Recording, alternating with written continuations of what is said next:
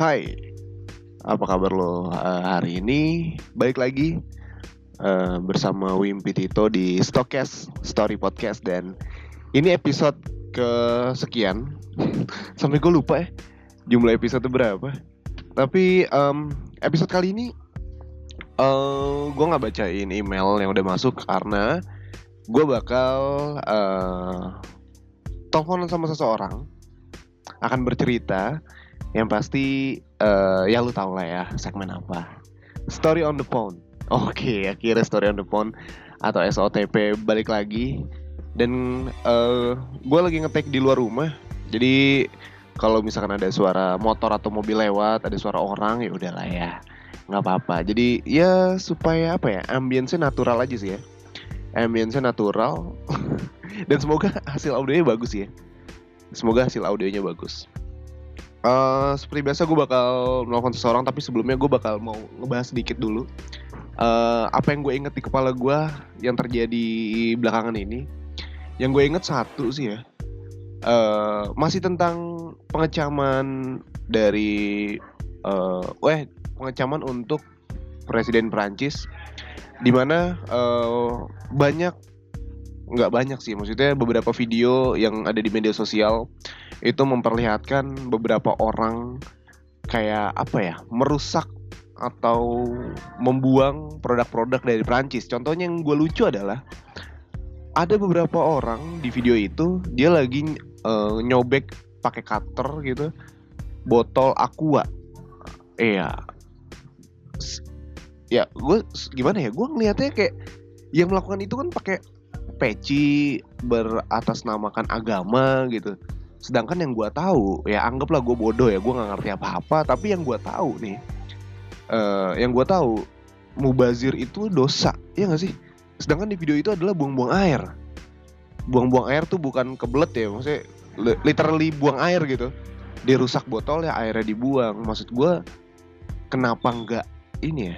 Maksud gue cara boykot nggak gitu kali terus yang lucunya lagi adalah ada sekelompok orang demo di depan. Ya gue nggak tahu nih ini sumbernya bener atau enggak tapi menurut dari yang gue lihat dan captionnya adalah jadi segerombolan orang itu segerombolan orang itu berdemo di depan uh, les bahasa Perancis. Mau ngapain nah lu mau berharap apa? Suara lu tersampaikan gitu mentang-mentang uh, lu berdemo di depan tempat les bahasa Perancis terus lo merasa ntar suara lo bakal didengar gitu. Ya enggak enggak ngaruh lah. Ya siapa tahu yang buka les pri les private bahasa bahasa Perancis orang Indonesia juga. Bukan orang Perancis. Kenapa sih orang Indonesia tuh terlalu gampang banget ya? Ya walaupun gue juga mengecam uh, atas statement yang dikeluarkan oleh Presiden Perancis. Cuman ya nggak gitu lah caranya. Dan lucu lagi ada satu lagi video yang Uh, jadi uh, sekelompok orang ini masuk ke dalam minimarket. Gue nggak tahu ya itu Indomaret apa Alfamart atau Alfamidi gue nggak tahu. Dia membeli seluruh produk yang dari Prancis katanya, dibeli terus dibuang. Eh, susah sih ya. Kalau misalkan biji kuaci nggak sekolah tuh susah gitu.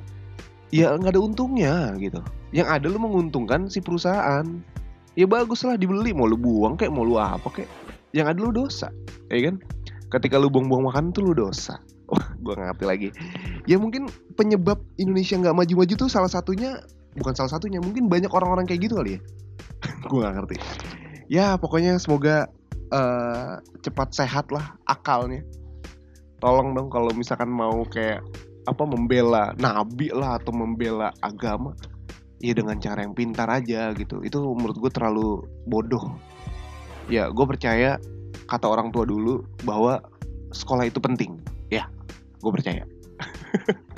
Ya um, itu yang gue inget sekarang.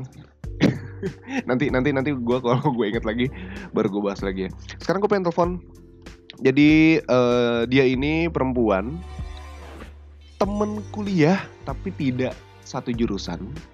Pernah di satu organisasi tapi ada yang menjadi dilema oleh temen gue ini tentang percintaan. Wih, gila lu. Ah, buat lo yang merasa uh, perempuan khususnya cewek-cewek Batak. Waduh, spesifik sekali.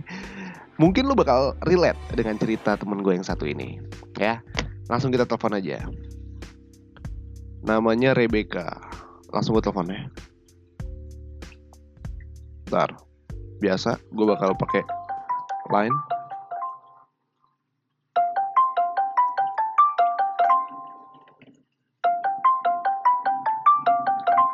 Belum diangkat. Halo, Halo. assalamualaikum. Wah gila. Waalaikumsalam. Halo bapak. Wah gila lu. Apa kabar lu, Bek? Halo, Halo, halo. Suara gue denger jelas gak? yuk. Jelas-jelas. Eh lu apa kabar? Baik, baik. Lo apa kabar? Wah, ya kalau nggak oke sih gue nggak bakal nelfon lu sekarang. Ah, Baik-baik gua. Jadi Gimana gimana? jadi gini, eh, ini Rebecca temen gue ya kan. Nggak gue lagi ngomong sama pendengar gue dulu bentar. lu kan masuk podcast gue kan gue bilang lu masuk ke podcast gue. Jadi Iya. gue lagi ngomong dulu bentar. Jadi Rebecca ini ya buat lo yang ini siapa sih cewek nih? Kok tiba-tiba assalamualaikum nih bener-bener eh, muslimah sekali ya kan? Lu lu bentar gue ceritain dulu ya. Gue ceritain dulu. Lu mau gue memperkenalkan lu atau lu memperkenalkan diri Bek? Lo aja yang memperkenalkan gue siapa? Oke. Oh ya, gue disclaimer dulu ya. Kalau misalkan di dalam percakapan atau obrolan ini, kalau misalkan si Rebecca emang eh, sering ketawa, ya emang dia kayak gitu kalau setiap ngomong. Ya. Oke, gue disclaimer dulu nih. Jadi lu jangan merasa annoying. Ih, cewek nih ketawa mulu. Emang kayak gitu orangnya gitu. Jadi Rebecca ini eh, dia satu kampus dia sama gue. Dia jurusannya beda. Lu broadcast ya, Bek ya? Broadcast. Nah, jadi Rebecca tuh broadcast jurusannya. eh kita nyaris mau satu UKM bareng ya, Bek ya? Oh, nyaris banget. Wah. Udah ada jadwal. Emang dia jadi si Rebecca ini nyaris nyaris banget masuk ke UKM radio bareng gua, which is bareng gua, ya kan. Tapi ya mungkin eh, pilihan dia sangat tepat, sangat amat tepat. Akhirnya dia tidak mengambil eh, radio, tapi dia tapi lu ngambil ini ya, apa? eh, paduan suara. Yang di mana? Iya dong. Yang di mana?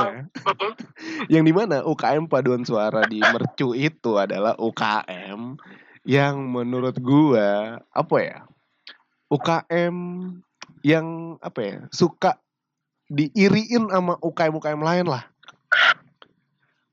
ya dong ya kan terus sekarang gini iya iya. ya Sorry ya. bentar lo lo lo emang basic bisa nyanyi kan Bek Iya, bisa udah dari udah dari kecil.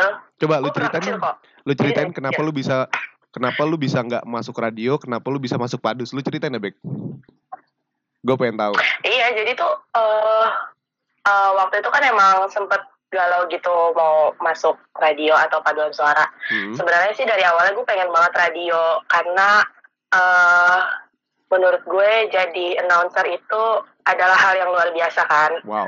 Terus iya hal yang luar biasa karena gue udah dari SMP tuh cinta itu sama eh, radio gitu.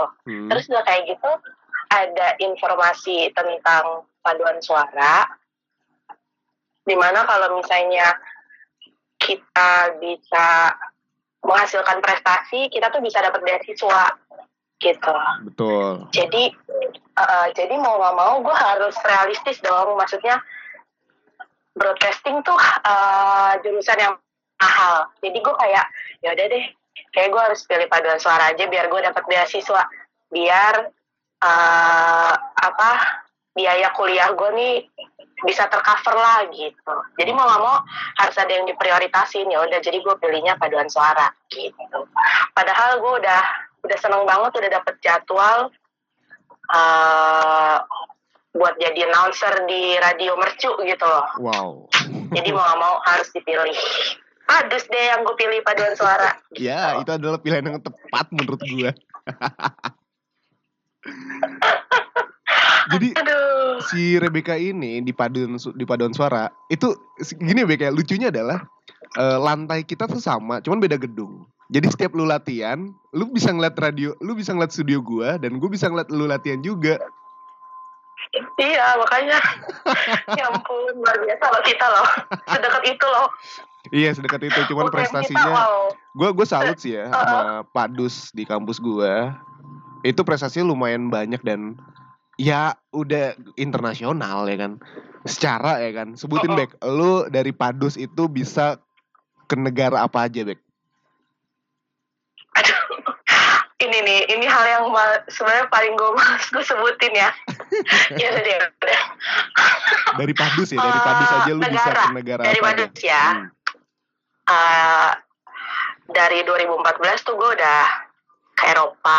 Eh, sebenarnya sih kita lombanya di eh, Barcelona, Hmm, oke. tapi tapi ada ya pokoknya ada hadiahnya lah gitu, bisa ke Swiss, Wow. eh, bisa ke Perancis, terus eh, bisa ke Belanda, sama ke udah segitu doang. Terus next year gua ke eh, ke Thailand dulu. Gua ke. Thailand. Terus setelah gua ke Oh Thailand, Thailand, oke. eh, gue ke Korea. Oh iya iya Ke iya. Korea. Ah, ah. abis dari Korea itu gue ke Jepang. Hmm. Habis dari Jepang terus eh, terakhir gue jadi alumni, gue lomba lagi ke Jerman di Spital Oke. gitu. Dan itu semua lomba kan Bek ya? Maksudnya festival kan? Lomba festival gitu kan? Iya itu lomba, itu lomba. Dan semuanya menang atau ada yang kalah atau ada yang semuanya menang? Kayak semua menang deh. Iya kalau misalnya untuk eh, kayak juara umum dan segala macam sih hanya beberapa negara aja. Tapi Hmm. kita pernah pernah gagal, nggak gagal sih sebenarnya nilai, cuma nilainya kayak di bawah rata-rata itu kita di negara Thailand. Oh, Waktu itu. Tapi lu itu kita ngerasa kayak capek banget sih hmm, makanya turun prestasinya Oke, lu pas gagal itu sebagai anak padus tuh lu ngerasa ini gak sih apa kecewa gak sih? kenapa kenapa Lu pas gagal lagi apa festival di luar negeri ya kan, padus nih. Pas gagal lu ngerasa kecewa gak? Mm-mm. Hmm, kecewa sih enggak sih karena dari dulu tuh gue udah sering banget gagal gitu Makanya maksudnya kalau lomba tuh sering banget kalah Oke. jadi bagi gue kayak gitu biasa aja cuman kayak ya Oh, gitu. kayak gitu doang sih nggak yang eh, nggak yang kayak yang anak-anak lain kayak aduh gimana sih kok kita nggak menang kok kita nggak ini enggak sih kayak cool Iya. aja Justru ya, gue kalau misalkan gue pun misalkan gue masuk padus, walaupun itu uh, Uh-uh. impossible ya nggak mungkin ya. Udah udah bisa jalan ke luar negeri ya, udah menang kalah bodo amat. Yang penting jalan-jalan. Makanya gue punya niat kayak gitu, makanya gue nggak masuk padus kan. nggak apa sih niat kayak gitu ada juga kok dede-dede apa junior-junior gue yang niatnya kayak gitu tapi Nah. mereka lolos Ini ini back back ini ini ini ya, gue gue nggak tahu ya ini kabar-kabar burung lah dari UKM UKM lain denger-denger doang gue nggak tahu apakah Uh-uh. benar di dalamnya seperti ini atau enggak itu nggak semua anggota padus ikut keluar negeri kan? Benar gak sih? Apa dipilih doang kan? Iya nggak semua. Eh, kita ada audisi sih. Jadi eh, bukan dipilih. Oh, maksudnya audisi. kita audisi. Mm-mm, audisi. Jadi eh, semua anak-anak anggota aktif Hmm, itu kita nanti dikasih lagu beberapa lagu gitu dari sama pelatih. Hmm. nanti dites gitu. Ya yang yang sesuai dengan kemampuannya mereka yang akan kepilih gitu jadi aneh oke bukan dipilih secara uh, apa uh, keinginan pelatih nggak kita ada audisinya Oke. sendiri apakah benar nih nih nih nih nih gue nanya ya apakah benar Ah. dalam padus itu ketika mau festival di luar, di luar negeri itu sikut-sikutan Bek? sikut-sikutan wow bah- bahasanya kayaknya agak Bu- agak jahat ya Iya, gua gua itu gua bingung ya bahasa baiknya gimana. Pokoknya ya dalam tanda kutip lah. Sikut-sikutan apakah benar sih Bek? Karena oh, yang bermunculan di kuping-kuping gue pada waktu itu ya pas gua kuliah, pas gua masih ngejalan itu, uh-uh, ah di Padus kan gak semuanya. Iya, uh-uh. dia sikut-sikutan tahu gini nih. Masa sih? Makanya gue nanya langsung nih ke lu sekarang. Sebenarnya kalau misalnya dibilang sikut-sikutan sih, kalau secara verbal, eh maksudnya secara fisik sih enggak ya, cuma Iya. kayak secara secara secara ini sih memang ya harus ikut-ikutan karena eh di sini ajangnya lo mem- apa memperlihatkan kualitas lo di depan pelatih Oke. gitu. Maksudnya kan selama ini kita latihan-latihan. Kalau misalnya cuma latihan-latihan doang tanpa lo kasih tahu progres lo sama pelatih, Hmm. kayak sama aja nggak sih gitu. Jadi kayak ya kita berlomba-lomba lah siapa siapa yang paling berkualitas, Hmm. Dia yang punya kesempatan buat ikut lomba gitu. Oke. Berarti ini kan ah, otomatis ada yang nggak kepilih, otomatis nggak Iya, semua yang nggak kepilih itu bisa menerima. Pasti ada yang kecewa dong. Pasti pasti. Nah itu gimana tuh? Eh lingkungan lu ketika ada yang nggak keterima, terus ada yang keterima, itu ada ada ada ini nggak sih kayak tiba-tiba kecewa, terus kayak ngambek gitu, ada nggak sih? Apa enggak? Ada ada ada pasti ada loh. Wajar lah ya kayak yang gitu ya. kayak gitu. Wajar. Dan waktu lomba gue yang pertama kali ke Eropa itu, gue sebenarnya hampir nggak kepilih, Wim. Wow, serius? Yang 2000 tahun 2014 ya, gue tuh sebenarnya hampir nggak kepilih karena eh, waktu itu kayaknya performa gue lagi turun banget Oh, Oke. gitu. Jadi eh, gue sempat nggak kepilih. Akhirnya gue dikasih kesempatan sama pelatih untuk probation gitu selama sebulan Hmm. terus nanti abis itu gue diaudisi ulang lagi dan baru gue kepilih jadi sebenarnya kayak gitu aja gue udah stres juga sih udah sedih Iya kan? eh kayak ngerasa gagal kayak ngerasa ih gila berarti suara gue jelek banget ya men gue gak kepilih gitu Eh tapi gini, Bek.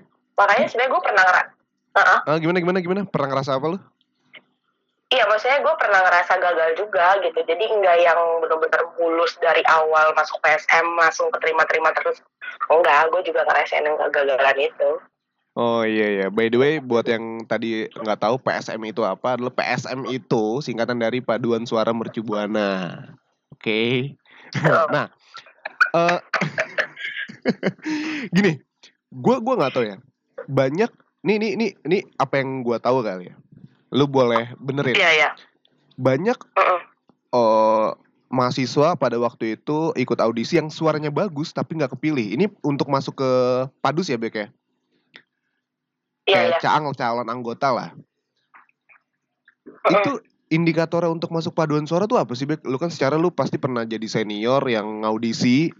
Pasti ada dong yang suara bagus nih anak kalau nyanyi. Cuman nggak cocok di paduan suara kita nih. Itu indikator nilai apa sih? Eh, jadi kalau misalnya kayak gitu, kita kan biasanya waktu eh, apa namanya audisi paduan suara itu kan kita ada tiga tahap. Oke. Nah ada pokoknya ada tahap apa sih namanya? Pokoknya kayak nyanyi pop, terus yang kedua interview, yang ketiga baru sama pelatihnya. Nah biasanya anak-anak yang suaranya bagus banget, yang ibaratnya bisa fibra-fibra yang lain itu Mm-mm. bisa gagal gara-gara mereka pas misalnya dicoba do re mi fa sol la si do pakai piano Hah? mereka itu budek. Oh. gitu. Jadi sebenarnya banyak yang mereka suaranya bagus. Uh, hearing maksudnya pendengaran mereka terhadap uh, nada itu suka nggak pas. Jadi misalnya dipencetnya do dia uh, suaranya ngambang. Atau misalnya uh, diminta pokoknya do re mi fa sol la si do ada yang mereka nggak tahu gitu jadi banyak jadi enggak kita tuh nggak milih yang harus suaranya bagus ngepopnya bagus enggak jadi minimal lo tuh nggak budek pas dipencetin di piano gitu Oke, Rebecca terima kasih. Akhirnya itu terpecahkan. Itu menjadi pertanyaan gua karena selama ini iya iya iya banyak banyak banget yang ngeluh. Hmm? perasaan nggak banyak yang gue denger gitu ngeluh sama gue eh bukan mungkin bukan ngeluh sama gue tapi gue yang menilai anjir suara dia bagus nih tapi kok dia nggak masuk ya? Nah akhirnya terjawab sekarang nih. Ya kan? Iya. Oh ternyata gitu. Heeh. betul soalnya kayak eh, masalahnya kita nih bukan untuk nyanyi pop doang gitu loh. Oke. jadi kita kan gue tuh ada baca partitur ada not balok segala macam jadi lo dasar eh, dasar di pendengaran lo aja budek gimana nanti lo diajarin ke depannya kayak gitu. Jadi minimal lu nggak budek aja. Dibunyiin piano suaranya apa lu bunyiin nah udah keterima lu pasti gitu. Oh gitu. Jadi ngetes ya misalkan iya. pianonya men, eh, mencet re. Dia udah tau, udah tahu re gitu ya, harus tahu gitu ya, paling enggak ya? iya iya Oh. betul. Misalnya nanti dipencetin nih sama senior. Nih ya aku pencetin do apa do re mi fa sol la si do gitu. Terus tadi pencetin sol dia kayak cuman sol la kayak gitu. Jadi kayak ya gimana ya gitu itu sebenarnya kadang-kadang suka gamblang sih kita tuh yang yang audisi dari dari level 1 Oke. suka susah gitu deh Oke, jadi buat pendengar gua yang mungkin baru mau masuk Mercu Buana dan pengen masuk paduan suara, lu pas banget dengerin episode ini karena ini bener-bener ya seenggaknya lu punya bayangan lah masuk PSM atau paduan suara di Mercu tuh seperti apa. Iya gak sih? Iya kan? Ini Eh, gitu lah betul. basicnya ya. Oke, ngomongin paduan suara UKM Oke. udah nih, ya kan? Heeh. Ada hal menarik yang bikin apa ya? Mungkin sebelumnya gue sama si Rebecca cuman oh ya taunya dia Rebecca, dia broadcast, gue Wimpi radio bla bla bla.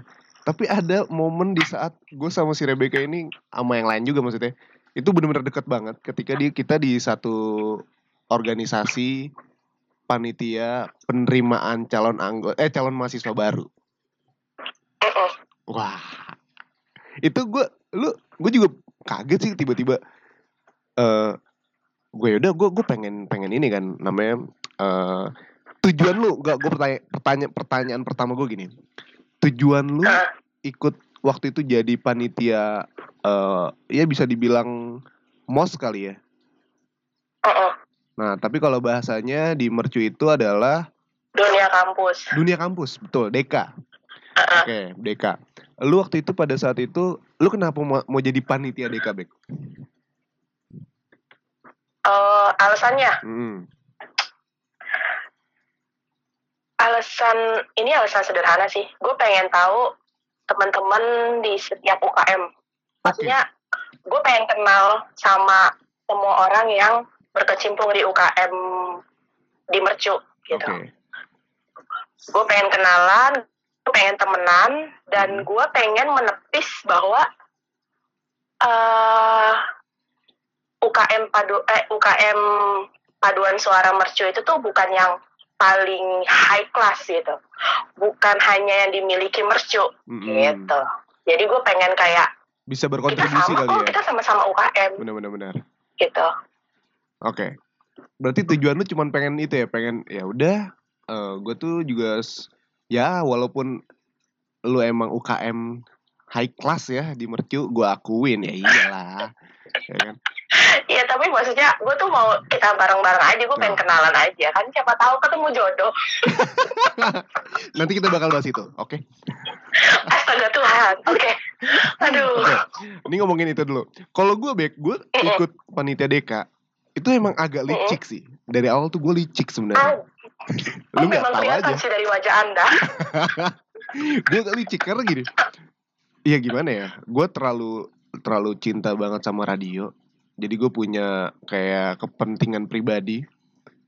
Gue Makanya kan gue pertama itu Kalau nggak salah Gue yang di pertama kayak lu belum deh Yang di pas gue belum jadi koordinator acara tuh Gue kan jadi MC tuh.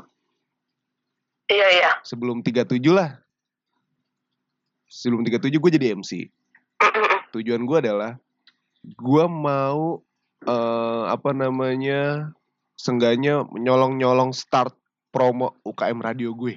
Itu pertama. Itu yang pertama. Oh baik baik bapak luar biasa ya.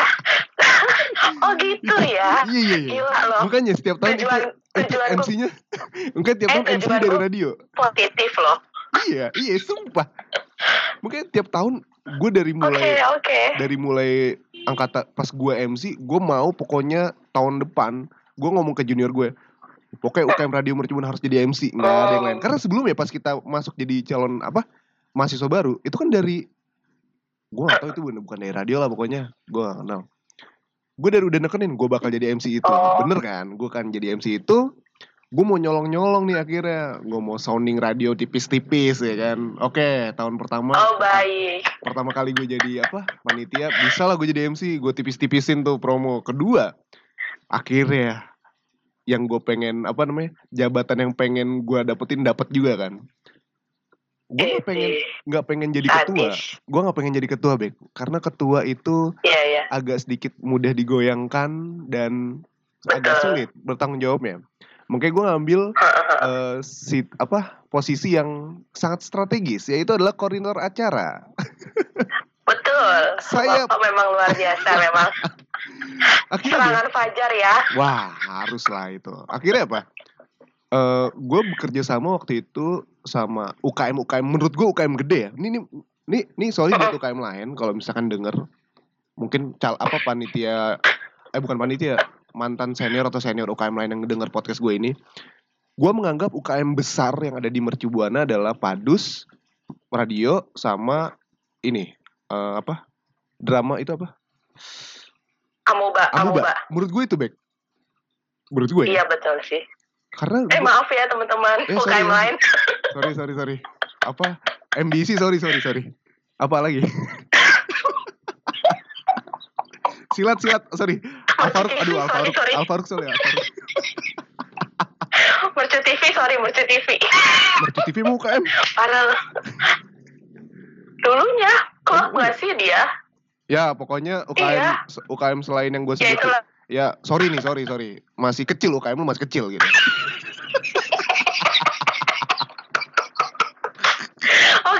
Oke fix, abis ini gue di unfollow. Astaga. Gak menurut gue itu. Aduh, aduh, menurut gue UKM besar Iya iya sih benar yang memang. di Mercu itu menurut gue Padus eh, radio sama Amuba. Kenapa gue bilang besar?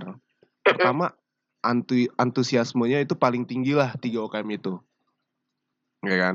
Iya iya. padus itu yang gue tahu padus itu selalu kan kita selalu gini Bek ya kalau buka boot ya lu selalu di samping gue maksudnya eh, boot Iya. paduan suara tuh selalu di samping radio dan Betul. punya Dan kita audiens samping-sampingan juga sama Amuba. iya dan ya lu juga samping amuba kan Heeh. lu tengah-tengah jadi punya eh, audiensnya sendiri gitu sama-sama Betul, rame sama-sama rame dan eh, ya ya ya walaupun Heeh, harus heeh. diakuin setiap tahunnya penerimaan paling banyak yang daftar ya radio sorry to say nih Oh ya, nggak apa-apa. Tidak apa-apa. Gak apa ya oke oke Iya, menurut gue jadi ketika Iya memang. ketika, Memang, memang. Hmm, ketika pas gue apa namanya gue jadi panitia dan gue megang jabatan koordinator acara akhirnya kan acara itu semua gue yang gue yang racik gue yang handle gue yang kurasi dari setiap acara. Gue handle. Walaupun ketuanya waktu itu ya kita goyang-goyang dikit lah masalah budget lah ya. Iya betul. Kita goyang-goyang loh buat lah, liburan. iya lah. Tapi sejujurnya Bek, waktu kita jadi panitia itu menurut gue menurut gue adalah panitia tersukses. Kenapa tersukses? Karena tradisi di Mercubuana itu laki-lakinya kan harus botak kan pertama. Yang maksudnya calon Iya harus- benar-benar. dan itu sama sekali nggak ada yang kelewat Bek. Nggak ada yang gondrong lewat nggak ada. Botak semua kena Oh iya ya.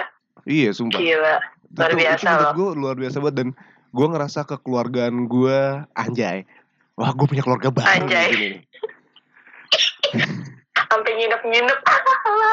Nginep di mana Puncak, oh itu mah pembubaran panitia kan Iya, tapi kan seenggaknya mulai dari situ. Eh, Oh, lanjut, iya. lanjut. enggak ini mulai dari situ mulai siapa nih lu kali lu nah gue masih masih masih masih eh masih apa namanya masih mau nanya malu kenapa namanya panitia Hah? itu adalah 37 di luar dari jumlah anggotanya yang 37 ya? Kenapa kok lu mau pakai nama 37 sih? Kenapa ya? gue juga bingung tuh sekarang. itu biar gampang aja gak sih? 37 aja kalau ketemu 37 apa sih juga bingung sih. ya itu kan bukannya dari eh, sang MC ya, yang kayak eh tiga tujuh tiga tujuh gitu. emang gitu ya Gue sih kan biar gampang aja mengingat. Walaupun memang jumlah kita bukan 37 orang gak sih? gue lupa Tapi gue salut sih Bek sama lu yang masih masih selalu ngumpul sama panitia walaupun ya circle-nya mengerucut ya. Iya, mengerucut banget. Oh, mengerucut banget. Akhirnya dari segini segini segini meng- mengerucut dan akhirnya lu lu sering ketemu nongkrong tuh sama siapa ya Bek akhirnya Bek? Sekarang yang jadi akhirnya sahabat banget gitu. Kalau pokoknya ya sesering mungkin itu ketemu sama Ilham, Ocong. eh, Ocong, Feby, Mm-mm. eh, Keket, Keket. Pange ya, Pange. Pangeran, Pange, Heeh. ya sama Rifki. Rifki. Heeh. Oke, lu terakhir ketemu kapan sih sama mereka? Kenapa? Terakhir ketemu kapan sama mereka? Terakhir ketemu, kayaknya tahu tahun lalu deh. Oke. Kayaknya tahun lalu saya ingat gua apa sebelum pandemi gitu. Itu udah terakhir banget sih. Gokil ya dari dari sebuah panitia sampai merasa menjadi keluarga Bek ya. Iya parah sih. Sampai lupa waktu. Parah sih. Wah parah sih. Lu inget gak sih? Ada Aduh, kayaknya ada gak mau inget deh.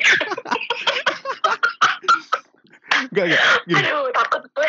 gue gue kalau inget 37 tuh inget ini kafe yang deket Mercu yang namanya kafe terserah Bek.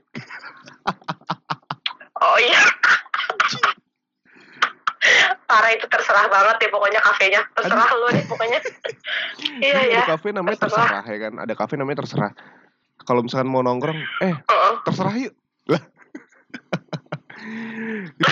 Gimana sih mau ketemu terserah yuk. Iya. Eh mana? Eh nongkrongnya di mana? Terserah ya. Menurut gue itu kafe lumayan masih gue bikin keinget gue terus sih. Unik dan selalu Iya nongkrongnya di situ sih ya. Mm-mm. Parah sih, kenangan banget. Nah, ngomongin kenangan nih ya kan. Salah nih gue ngomong. Ya enggak lah. Iya, lanjut. Ngomongin kenangan. Oh, enggak, enggak. Apa-apa. Heeh. Ada kenangan tersendiri gak sih lu dari panitia itu? Dari kepanitiaan 37 itu. Ada kenangan tersendiri nggak apa? Yang masih terngiang-ngiang gitu. Eh, ya itu, kita ke puncak bareng. Eh, nggak bareng sih, walaupun beberapa kali kloter.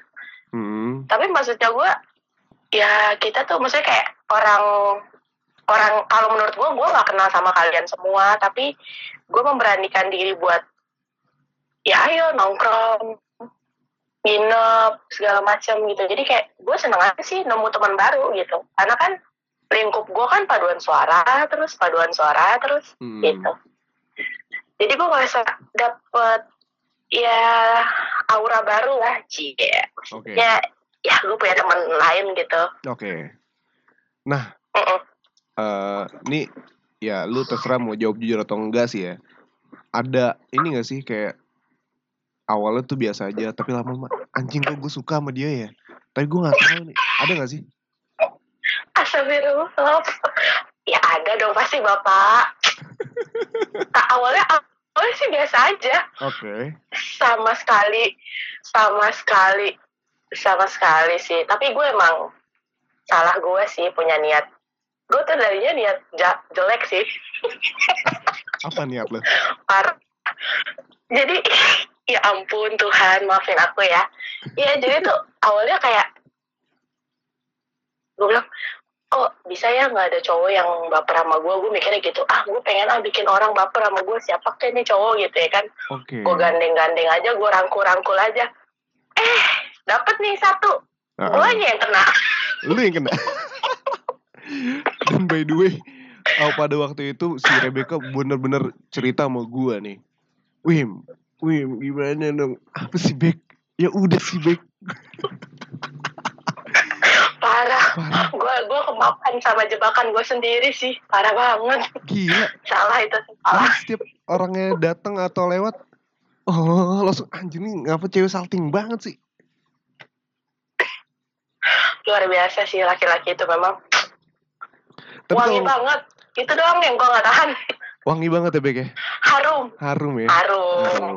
Ya paling harum banget kalau misalkan buat cowok Kenapa? nih, nih gue ngomong buat cowok nih, lu nggak apa-apa jelek dah, asal jangan bau ya. iya bener lu rapi lu wangi itu udah wah udah poin plus. Udah poin plus ya wangi Luar ya. biasa. Gokil. ya. Poin plus. Tapi kalau ngomong-ngomong Luar tentang cowok nih, nggak kan? Mm-mm. Pada akhirnya lu sama dia gimana?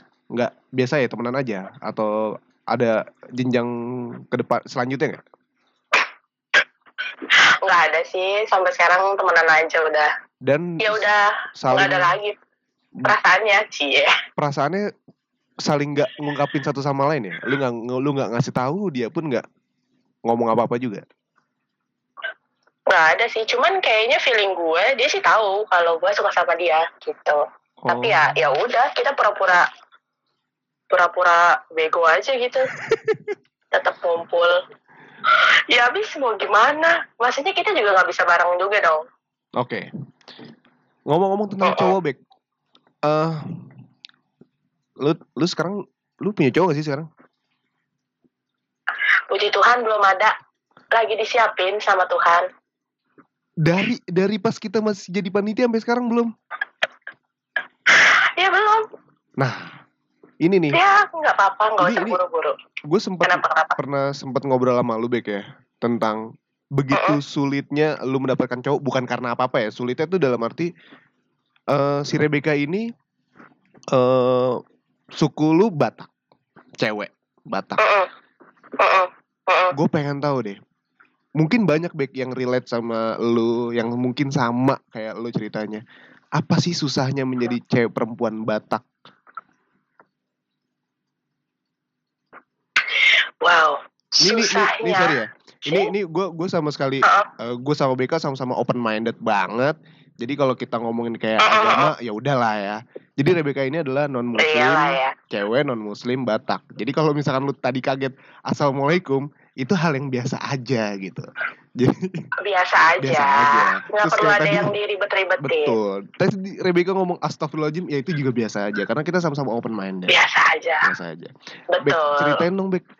Eh, sulitnya atau lu sebagai wanita non muslim Batak pula itu apa sih sul sulitnya tuh menjadi perempuan itu apa?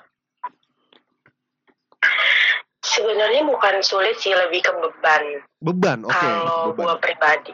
Iya, misalnya bukan beban yang harus gimana, cuman kayak misalnya gini. eh sebenarnya kalau dari keluarga eh, dari bokap nyokap sih nggak pernah ada omongan kayak ke misalnya ke diri gue sendiri ya kayak kamu tuh harus punya pacar yang seiman sesuku gitu-gitu Oke. dia sih nggak pernah ngomong secara personal sama gue cuman eh gue sendiri yang yang membuat itu kayak aduh mana nih laki-laki yang satu iman sama satu suku nih buat gue gitu. Karena eh gue kan perempuan ya ibaratnya di keluarga gue tuh gue nggak bisa bawa marga. Maksudnya marga udah berhenti eh, marga di keluarga gue ini udah berhenti di gue aja gitu.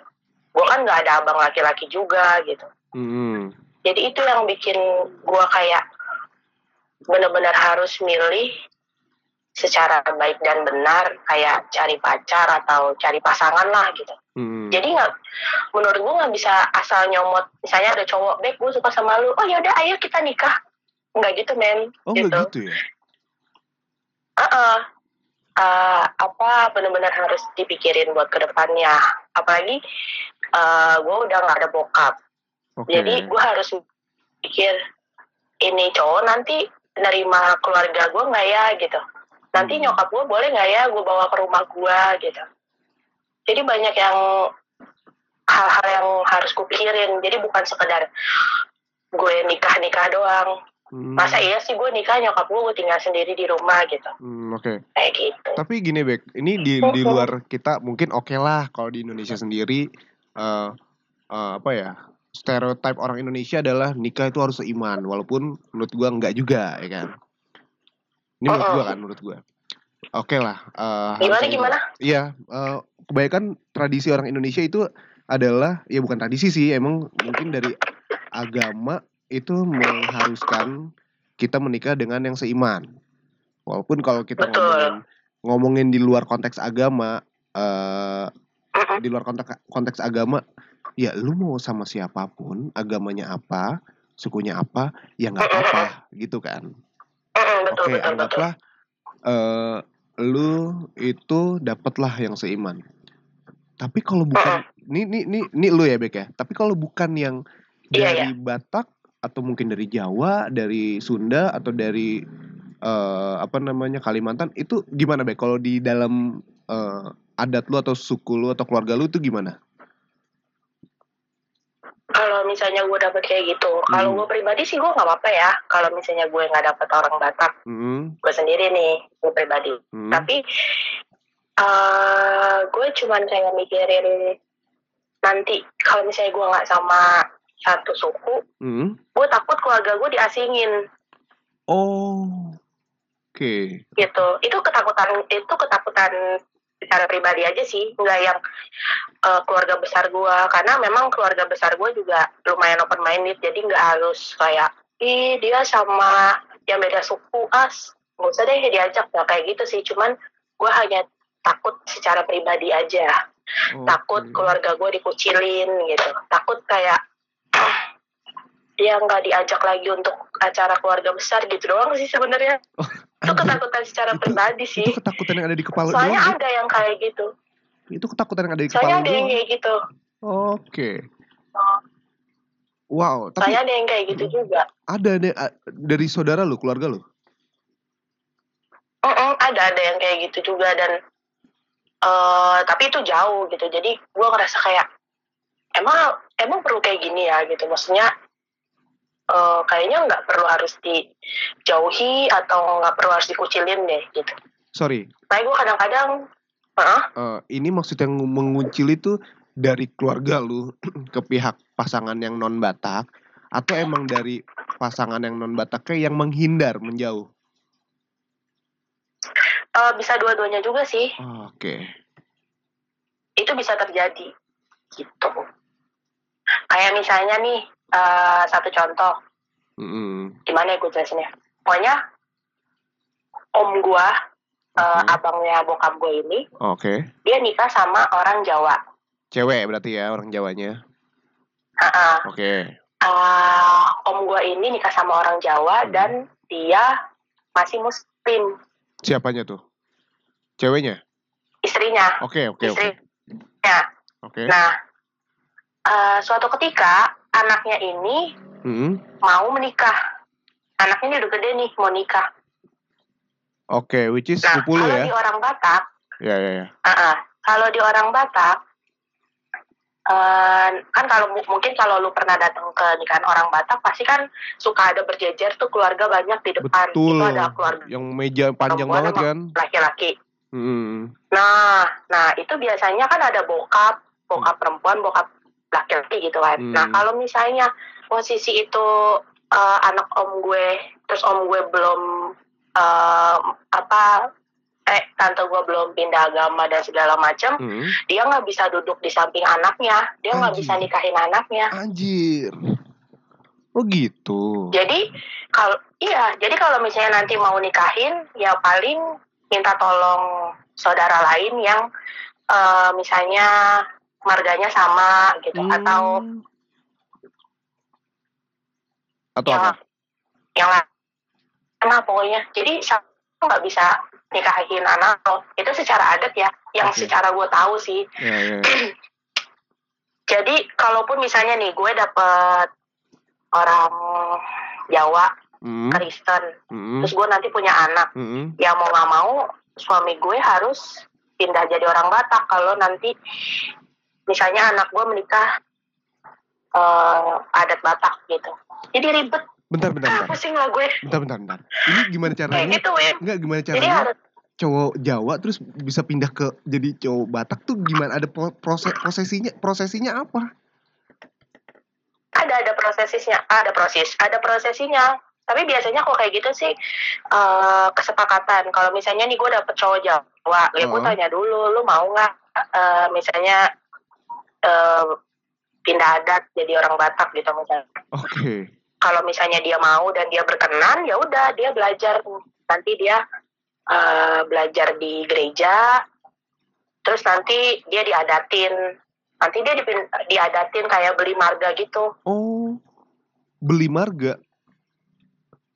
beli beli marga jadi misalnya tadinya nggak ada marga bisa jadi marga Sitorus gitu misalnya Bisa milih gitu marganya. itu beli bisa bisa bisa Anjrit. gue baru tahu nih sumpah. yang penting iya yang penting ya marganya nggak sama sama marga calon lo Oh, misalnya gue si. Ombing ya nggak mungkin ah, Harus- misalnya gue si Ombing Oh. nggak mungkin dong dia harus nyari si Ombing juga gitu dia harus nyari yang lain Kenapa nggak boleh? Kenapa nggak boleh sama? Nggak boleh si homing juga. ya jatuhnya kita saudara dong saudara kandung Oh, jadi kalau misalkan si homing tuh nggak boleh nikah sama si homing gitu. Iya nggak boleh Anjrit, Bek. Serius lu, Bek? dan iya makanya ribet deh terus kayak misalnya gue perempuan nih eh nyokap gue kan marganya si tumor Oh, si Tomorang, oke. nah gue nggak bisa tuh nggak bisa tuh gue nanti pacaran sama yang marganya si tumorang Anjrit. Bek, bentar ya, Bek. Berarti kalau Tapi- misalkan nih, Bek. Sorry, gue putus dulu. Ah. Misalkan lu lagi eh, di konser, lagi nonton konser ya kan. Mm, mm, mm, mm. Terus tiba-tiba lu nonton Petra Sihombing lah. Tiba-tiba Petra Sihombing tuh notice ke lu, Bek. Tuh suka sama lu. Tuh nggak bisa jadi jodoh, Bek. ya nggak bisa lah Lu nggak mau sama Petra Sihombing? ya siapa yang nggak mau si pertanyaan lo pertanyaan lo ngebuat gue nggak bisa jawab men siapa yang nggak mau Petra Siombing men gila gue bisa nyanyi bareng mulu Nah. gila gue bisa ngeband terus kali dasar lu ya Gara-gara aturan adat itu yang nggak bisa. Padahal lu nggak tahu itu saudaranya jauh banget kan. Cuman-cuman sama-sama si Hombing mungkin entah ujungnya di mana kan lu nggak tahu ya.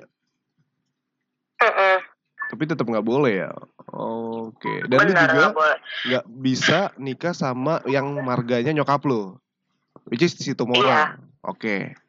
iya tapi kalau misalnya gue anak laki-laki Hmm. itu disaranin itu boleh Oke. Oh gitu. gitu Misalkan Heeh. misalkan lu laki-laki nih.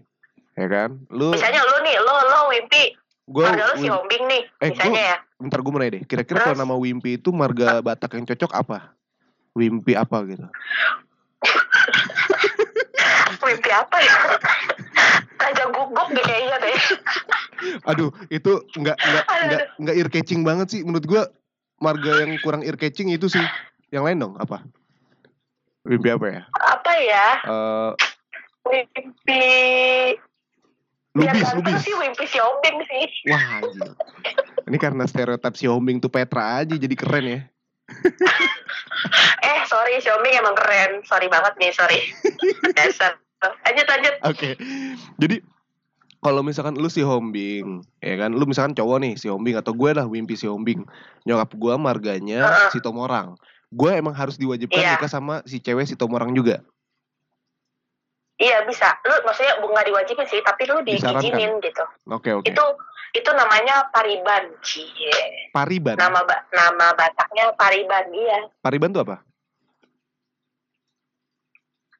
ya artinya sih gue nggak tahu ya cuman katanya sih pariban jadi maksudnya lo Pariban itu namanya Sorry, Pariban. gua- Iya Pariban sih nggak tahu tapi namanya Pariban. iya itu namanya pariban pariban P A R I B Iya A N Pariban. Oke Pariban. pariban men Iya oke oke.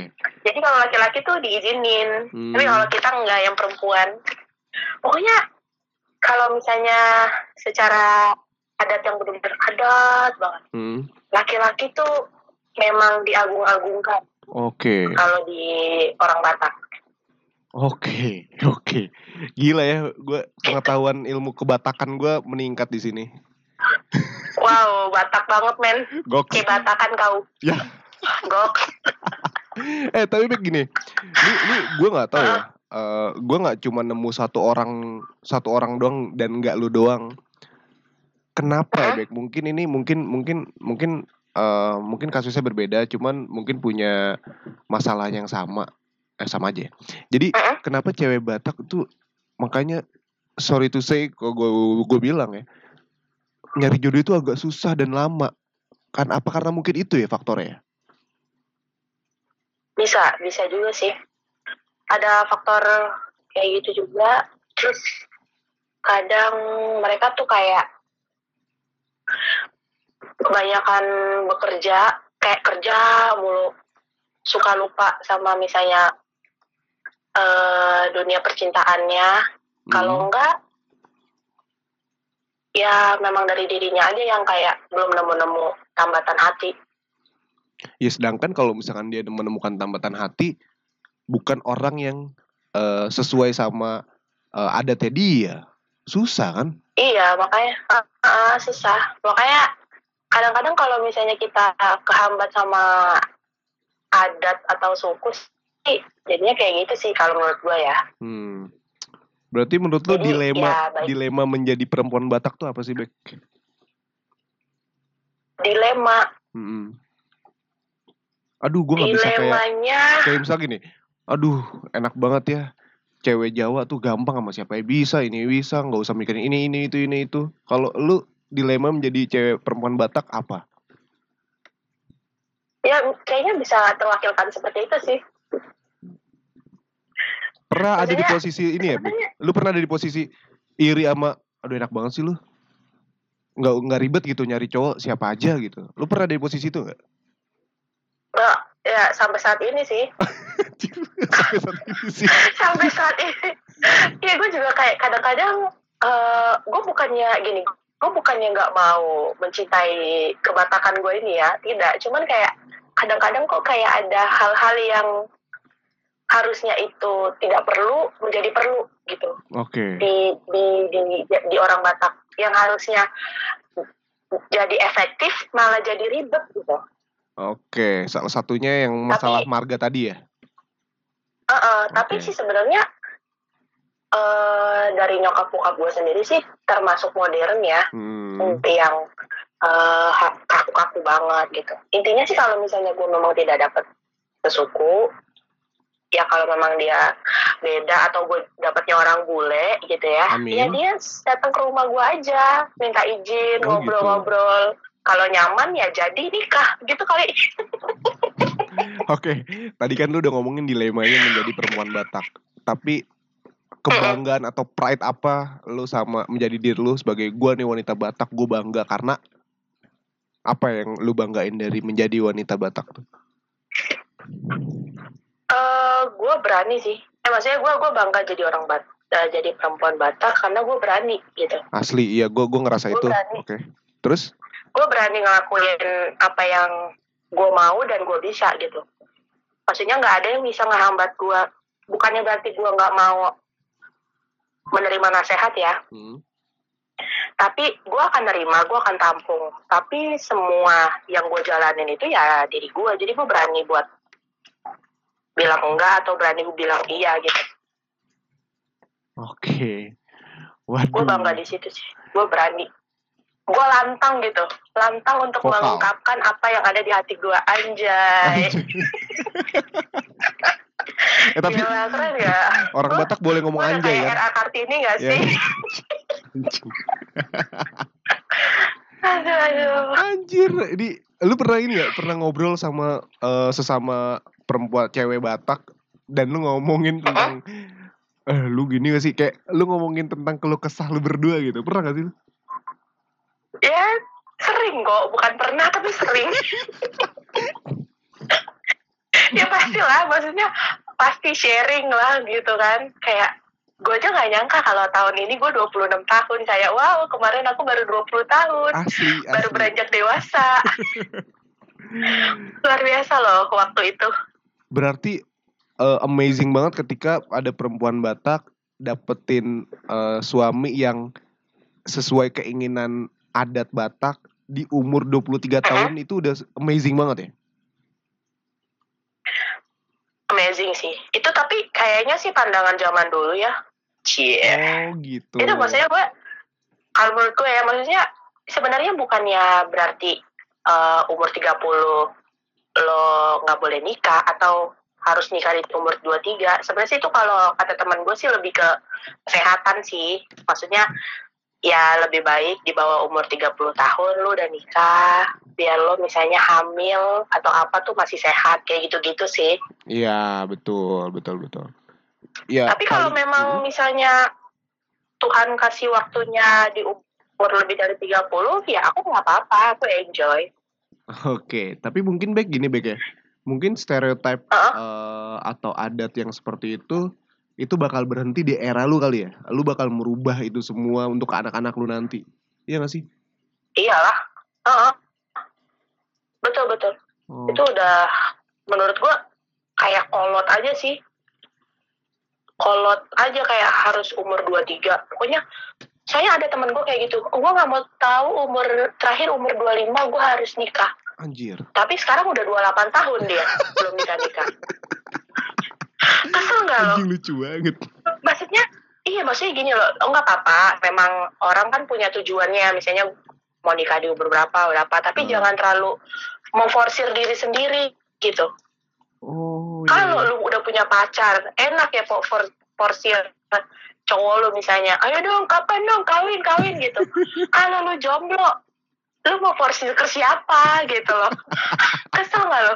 Iya, iya, iya. waduh Heeh. Tapi ada yang udah pernah hampir deket-deket yang sesuai yang lu pengen gak sih? ada sih. Iya ada. Cuman ya kalau misalnya gue masih berat sama diri sendiri aja sih. Kayak masih belum percaya diri aja. Hmm, oke. lumayan nggak bukan banyak sih cie. Kalau banyak gue kayak selebriti banget. Ada lah beberapa yang yang mendekati ada yang temenan aja ada yang gimana cuman gue sih sekarang kayak lagi mau ini karir aja dulu Oke. mengejar karir cie mengejar mimpi Oke. Berarti lu em, masih ini, Bek? Ya nyanyi-nyanyi di gereja lu pasti masih ya. masih kok masih Tapi untuk ini itu lo kegiatan udah kelihatan rutin tiap minggu ya. Nah, eh, ngomongin eh, apa namanya karir lu, lu ngomong kita baik lagi deh. Sekarang lu masih suka ke ini gak sih ke kampus, ke Padus, ke PSM? udah enggak sih terakhir tahun lalu Anjir, udah berubah banget Bek ya. 2015 Udah, gue gue jujur ya, gue jujur ya. Kayak radio Hah? sekarang aja menurut gue udah nggak seasik dulu menurut gue. Lu juga gitu gak sih PSM? Iya, bener-bener. Sama sih gue ngerasa mungkin karena nggak ada teman seangkatan kali ya. Terus ngerasa kayak udah lebih tua aja gitu daripada sebelum-sebelumnya. Dari kayak apa namanya eh apa ya? Si suasananya udah beda. Gue sih ngerasa gitu Ah, sih. udah beda juga banget. Udah beda banget. Udah nggak seasik dulu. Maksudnya dulu kan secret tuh udah kayak kamar kedua gue Parah gitu. sih, parah parah. Habis parah. Habis pulang kuliah secret, kuliah secret, kuliah secret gitu. Tapi kalau sekarang kayaknya kalau gue denger dari adik-adik gue sih secret tuh ya udah jadi tempat latihan aja gitu. Bukan jadi tempat gunda gulana lo lagi gitu. Udah jadi udah nggak ada cerita-cerita yang terjadi di situ lagi ya. Heeh, padahal kan kalau misalnya lu duduk diam di secret ya ada aja gitu kan. Kalau nggak setan, hantu piano, Anjir ada serius hantu piano. Ada men. Secret gue serem. Gila. Hantu piano. Wah, gokil. Gue baru tahu nih. Ternyata di Padus ada hantu Serius, piano. serius. Serius.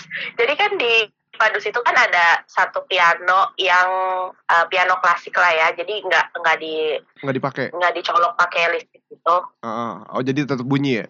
Nah terus gue, eh, nah gue tuh dulu masih anak baru emang selalu suka jadi orang pertama yang nungguin sekret. Kalau nggak bersihin sekret karena kan kita ada piketnya. Oke. Itu tuh piano lagi keadaan tutup, lagi Iya. ditutup, Wim. Heeh. gue lagi duduk lagi main komputer ada itu bunyi ting gitu Anjing. lu bayangin itu ditutup nggak ada listriknya gue tuh cuma di dalam cuman kayak ya udah deh kalau lu mau nampakin diri karena itu tuh gue dibukain juga sama senior jadi kunci bukan gue yang pegang kan Oke. jadi itu kan dipegang sama BPH gitu Iya betul. jadi gue kayak mau lari juga nggak mungkin gua, ya udah berdiam diri dan itu nggak sekali doang Wim Anjir. Emang berarti ini ya setiap sering banget setiap UKM tuh selalu ada kejadian hantu-hantunya ya. Sama di radio juga anjrit. Ada lah ada yang kesurupan nah udah deh udah luar biasa deh mercubuana tuh banyak banget memang makhluk halusnya aku bingung Oke deh Rebecca, thank you banget lu udah mau uh, angkat Wim. telepon gue. Terima kasih sudah mau bercerita. Mm-mm. Semoga apa ya? sama-sama Ya gue happy sih ngobrol sama lu. enjoy ya Enjoy pokoknya teman-teman yang mendengarkan semoga enjoy Ya semoga juga banyak yang relate sama cerita lu dan merubah stereotip yang tadi gue obrolin tuh udah cukup berhenti di lu aja. Ntar untuk anak cucu lu jangan kayak gitu. iya betul Gitu. Oke, terakhir jangan Bek. jangan nanti stres Betul, lu ada pesan-pesan nggak buat Ah. cewek-cewek Batak mungkin? Wih, gila lu. Keep strong kayak atau apa gitu, semangat atau gimana gitu. Punya. Ah, apa ya ya pokoknya eh cewek Batak ya. Pokoknya lo harus berani sih. Oke. maksudnya itu hidup lo lo eh, lo nggak perlu harus mengikuti yang harus apa misalnya lo nggak usah harus ngikutin partuturan ya, suku Batak gitu. Kalau memang lo harus eh, belok kiri belok kanan ya lakuin aja. Tapi tetap lo tetap cintai suku Batak lo itu. Oke, karena lo keren sih. Oke. Horas, Horas. Horas Oh. Horas Rebecca Sioming, terima kasih banyak sudah mau masuk terima di kasih podcast gua eh, yaitu Story Podcast atau Stokes. Terima kasih banyak. Sampai ketemu lagi ya Bek ya. Sampai mungkin ya gue pengen sih kita ngobrol lagi ketemu bener-bener di ketemu langsung. Karena pasti banyak banget obrolan Iya, yang pasti diobrolin. Ya betul ngopi. Ya gue oke oke. Gue tau banget lu suka kopi sih. Sampai sekarang masih suka nggak? Masih suka ya? Masih masih masih Gila. Oke Bek. Thank you ya. thank you Wim Bye. bye Nah itu dia eh, obrolan gue sama Rebecca. Eh, dia adalah perempuan Batak yang mempunyai banyak cerita, mempunyai banyak dilema. Yang mungkin siapa tahu lu yang eh, yang perempuan dari suku Batak mungkin akan relate. Ya udah, gue sih berdoa semoga eh, apa namanya ketika lu sus bukan susah ya, belum mendapatkan jodoh yang lu pengen, ya benar kata si Rebecca sih ya. Sebenarnya Tuhan tuh lagi nyiapin jodoh yang terbaik aja buat lo gitu. Ya udahlah. Udah satu jam dua menit nih satu jam lebih Eh, lu udah dengerin gue sama Rebecca ngobrol.